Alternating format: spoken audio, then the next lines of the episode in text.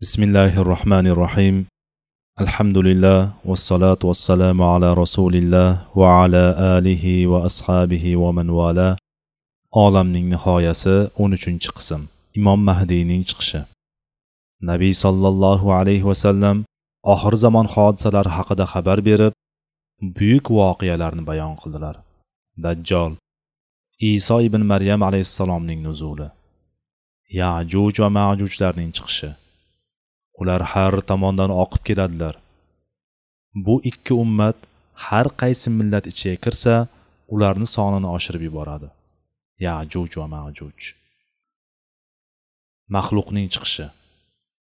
Qachon kofirlarning ustiga so'z azob tushganida biz ular uchun yerdan bir jonivor chiqarurmiz. U ularga odamlar bizning oyatlarimizga ishonmaydigan bo'lib qolganlari haqida so'zlar. Mahdiy al muntazor uning asrida yo u bilan birga yoda undan keyin qanday hodisalar yuz beradi ekan? Mahdiy al muntazordan keyin yashashda xayr yo'q. Uning iso alayhissalomga nima aloqasi bor? U dajjolni ko'radimi? Ko'rsa nimaga unga qarshi kurashmaydi? Mahdiy al muntazor kelishdan oldin qanday holatlar ro'y beradi? Zero u yer yuzini xuddi zulmu jabrga to'lgani kabi adolatga to'ldiradi. Mahdiy al muntazordan oldin yoki uning davrida yoda undan keyin odamlar o'rtasida jaholat keng yoyiladi. Islom ko'tariladi yo'qoladi. Faqat keksa cholu kampirlargina qoladi. Ular dindan bor yo'g'i la ilaha illallohnigina biladilar. Huzayfa roziyallohu anhuga la ilaha illalloh ularga nima foyda beradi? Holbuki ular benamoz bero'za va bezakot bo'lsalar deyildi. Shunda u voy bo'lsin senga ey sila. Sho'ring qursin ey sila ibn zufar ularni do'zaxdan qutqaradi. Ularda ota bobolaridan meros qilib olgan la ilaha illalloh so'zi qoladi. U ularni do'zaxdan najot toptirsa ajab emas. Nabiy sollallohu alayhi vasallam oxir zamonda yirtqich hayvonlarning gapirish haqida xabar berdilar. Nabiy alayhissalotu vassalom dedilarki vahshiy hayvonlar insonlarga gapirmagunicha qiyomat qoyim bo'lmaydi. Hatto kishi poyabzalining bog'ichi bilan hatto kishi oyoq kiyimining ipi bilan qamchisining uchi bilan gaplashadi. Va kishining soni bundan keyin uning ahli nima qilishi haqida xabar beradi. Yirtqich hayvonlar odamlar bilan gaplashadi. Bo'ri arslon tulki gapiradi. Bu qanday bo'larkan a uni robbimning o'zigina biladi. Balki shunga o'rgatdilar yoki olloh unga so'zlash qudratini beradi.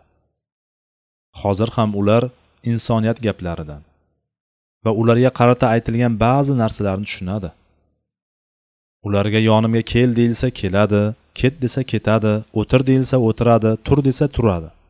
Yot deyilsa yotib sakra deyilsa sakraydi xuddi bunga o'rgatilgan sherlarni yoki yo'lbars va qoplonlarni ko'rganimiz kabi. Yirtqichlar kishining ishorasi yoki so'zidan nimani istayotganini tushunadi. Ehtimol o'shandan keyin ular tushunarli tilda. Yo jihoz orqali yoki ko'nikish yoki boshqa yo'llar bilan gapirar. Lekin biz hali yirtqichlar odamlarga gapirishga aniq iymon keltiramiz. Rasululloh sollallohu alayhi vasallam davrlarida bir kishi qo'ylarni boqib chiqdi. Banogoh bir bo'ri kelib podadan bir qo'yni olib qochdi. Kishi uning orqasidan chopib hatto qo'yni undan qutqardi. Bo'ri qo'yni tishlab olgan holda qochdi. Ortidan ta'qib qilinishi ko'paygach qo'yni tashlab ketdi. Cho'pon qo'yni oldi. Shunda bo'ri unga yuzlanib dumiga cho'nqayib o'tirdi va cho'ponga qarab sen kelib alloh menga bergan rizqni tortib olasanmi? dedi. Cho'pon vo ajab bo'ri gapiryaptimi? dedi. Shunda bo'ri senga bundanda ajablanarliroq narsa haqida xabar beraymi? Ikki xurmazor orasida madinada bir payg'ambar sizlarga bo'lib o'tgan va sizlardan keyin bo'ladigan ishlar haqida xabar bermoqda dedi. Cho'pon qo'ylarini to'pladi. Ularni haydab madinaga yo'l oldi. Keyin qo'ylarini shaharning bir chetiga qamadi. U bo'ri gapirganidan hayratda edi borib rasululloh sollallohu alayhi vasallam eshiklarini taqillatdi va unga xabar berdi. So'ngra nabiy sollallohu alayhi vasallam ashoblari bilan birga o'tirganlarida gapirgan o'sha bo'ri xabarini aytib berdilar. Bu buyuk hodisalar bo'lib oxir zamonda yuz beradi. Ular qiyomat alomatlaridandir. Sizdan qiyomat qachon bo'lur deb so'rarlar. Uning zikrini siz qandoq bilardingiz? Uni bilish yolg'iz robbingizga borib to'xtar. Siz faqat o'sha qiyomatdan qo'rqadigan kishilarni ogohlantirguvchisiz xolos. Va alloh dedi darvoqe uning alomatlari keldi. Bas ularga qiyomat soati kelgan vaqtida ularning ibrat olishlari uchun qanday imkon bo'lur? Ha qiyomat alomatlari belgilari keldi. Qiyomat qoyim bo'lishi yaqinligiga dalolat qiluvchi alomatlar yuzaga chiqdi.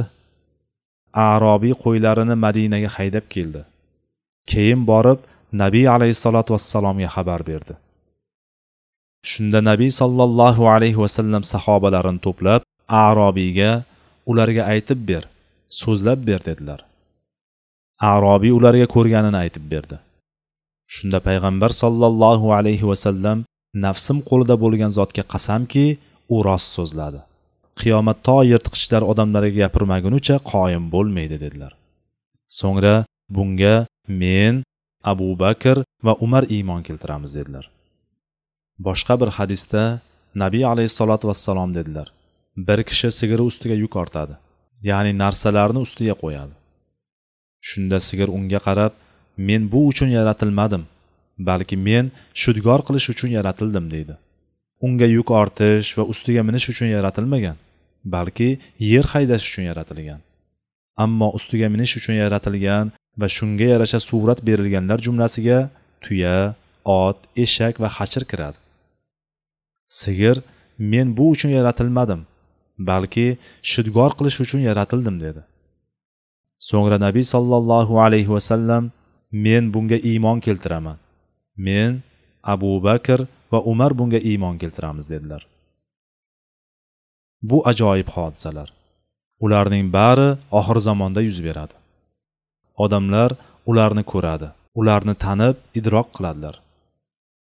Odamlardan iymon keltirganlari kofir bo'lganlari tasdiqlab qabul qilganlari inkor qilib yuz o'girganlari bo'ladi. Darvoqe uning alomatlari keldi. Bas ularga qiyomat soati kelgan vaqtida ularning ibrat olishlari uchun qanday imkon bo'lur? Mahdiy mana shunday holatda chiqadi. Ajoyibotlar. Zohir zulm kuchli jabr odamlar dinga rabboniy boshliqqa muhtoj bu vaziyatdan ularni qutqaruvchi xaloskorga muhtoj bo'lgan bir holat bo'ladi. O'shanda alloh taolo mahdiy al muntazarning chiqishiga izn beradi. U muhammad ibn abdulloh bo'lib nasabi hasan ibn aliga va fotima binti rasulilloh sollallohu alayhi vasallamga borib to'xtaydi. Nabiy sollallohu alayhi vasallam bizga uning ismini muhammad ibn abdulloh ekanini xabar berdilar. Yana bizga uning sifatlaridan xabar berib dedilar. Mahdiy mendandir keng peshona ya'ni peshonasi keng. Sochi peshonasiga yaqin o'smagan balki u peshonasi keng. Qirra burun ya'ni ingichka burun bo'lib unda burun uchi bor. Burunning uchi egikdir. Mahdiy mendan keng peshona qirra burundir. U hasan ibn alining naslidan. Alloh taolo hasan ibn alini uni uning naslidan bo'lishi uchun tanlab oldi. Ehtimol hasan ibn ali roziyallohu anhumo otasi ali roziyallohu anhu shahid etilgandan keyin boshqaruvni qo'lga olgani uchundir. Ali roziyallohu anhu masjidda muljimning qilich zarbasida shahid etildi. O'shanda odamlarga ikki imom biri ali va unisi muoviya roziyallohu anhumo bo'lib musulmonlar janglardan so'ng bo'lingan va ikki qismga ikki mamlakatga ajralib qolgan edi. Hasan ibn ali roziyallohu anhumo otasidan keyin olti oy amir bo'lganda musulmonlarni bir imomga birlashtirishga harakat qilib muoviyaga maktub yo'llab dedi. Men xilofotni senga topshiraman. Men xilofotni senga topshiraman. Hasan olti oy saltanat surdi. So'ngra vallohi xilofatni tark qildi. Na keladigan dunyo uchun va na husni jamol ayolga nikohlanish uchun va na unga berilgan mulk uchun edi. Yo'q. Balki hasan solih taqvodor obid kishi edi. Unga dunyo ishi arzimas narsa edi. Musulmonlarni birlashtirish yo'lida unga qayrilib ham boqmadi. Muoviyaga maktub yo'llab men senga xilofatni topshiraman. Senga bo'ysunaman hokim bo'lgan bo'lsam endi mahkum amir bo'lgan bo'lsam endi ma'mur bo'laman dedi. Musulmonlarni bir tan bir jon bo'lishiga haris bo'lib bunda dunyoni xohlamasdan taxtidan voz kechganida alloh taolo uni mahdiy al muntazorni uning zurriyotidan chiqarishi bilan mukofotladi. Alloh taolo hasan ibn alining naslidan nasabi hasan ibn ali roziyallohu taolo anhumga borib taqaladigan muhammad ibn abdullohni chiqarishligi bilan siyladi bu kishi mahdiy al muntazardir u haqida sahih va shohidlar bilan hasan bo'lgan ellikdan ziyod hadis vorid bo'lgan. Jumladan nabiy alayhissalotu vassalomning so'zlari. Dunyodan bir kungina qolsa ham alloh o'sha kunni uzaytirib mendan bo'lgan yoki meni ahli baytimdan bo'lgan ismi ismim kabi otasining ismi otamniki kabi bo'lgan yer yuzini jabru zulmga to'lganidek adolatga to'ldiradigan kishini chiqaradi. Payg'ambar alayhissalotu vassalom mahdiy mendan dedilar. Va alloh taolo uni bir kechada layoqatli qilib qo'yganini xabar berdilar. Alloh taolo uni bir kechada loyiq qiladi ya'ni uni odamlarga yetakchi bo'lishga yaroqli qilib qo'yadi. Alloh unga odamlarni boshqara oladigan iqtidor va qobiliyatlar beradi. U bir qator janglarda ularga qo'mondonlik qiladi. Alloh uni bir kechada o'nglab qo'yadi. Shuningdek uning madinadan chiqishini xabar berib alayhissalot vassalom dedilar. Xalifalardan biri o'lishi bilan ixtilof bo'ladi. Boshqa rivoyatda dedilarki ushbu xazinalaring ustida jang qiladi. Kaba xazinasi ham deyilgan saltanat ham deyilgan. Dedilarki xalifa o'lishi bilan ixtilof bo'ladi. Shunda madina ahlidan bir kishi chiqadi. Xalifa hokim o'ladi. Shunda odamlar ixtilof qiladilar. Uning orqasidan biror kishini hokimlikka tayinlay olmaydilar. Ular mulk sohibini tanlay olmaydilar.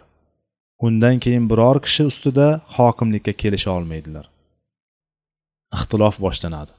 Har bir toifa va har bir partiya o'zlarinikini ma'qullashib o'lgan xalifadan keyin bir xalifaga birlashmay iztirobda qoladilar. O'shanda mahdiy muhammad ibn abdulloh madinada bo'ladi. Ixtilof ro'y berganda u madinadan makkaga yo'l olib chiqadi. Xalifa o'lganda ixtilof bo'ladi va madina xalqidan bir kishi chiqadi.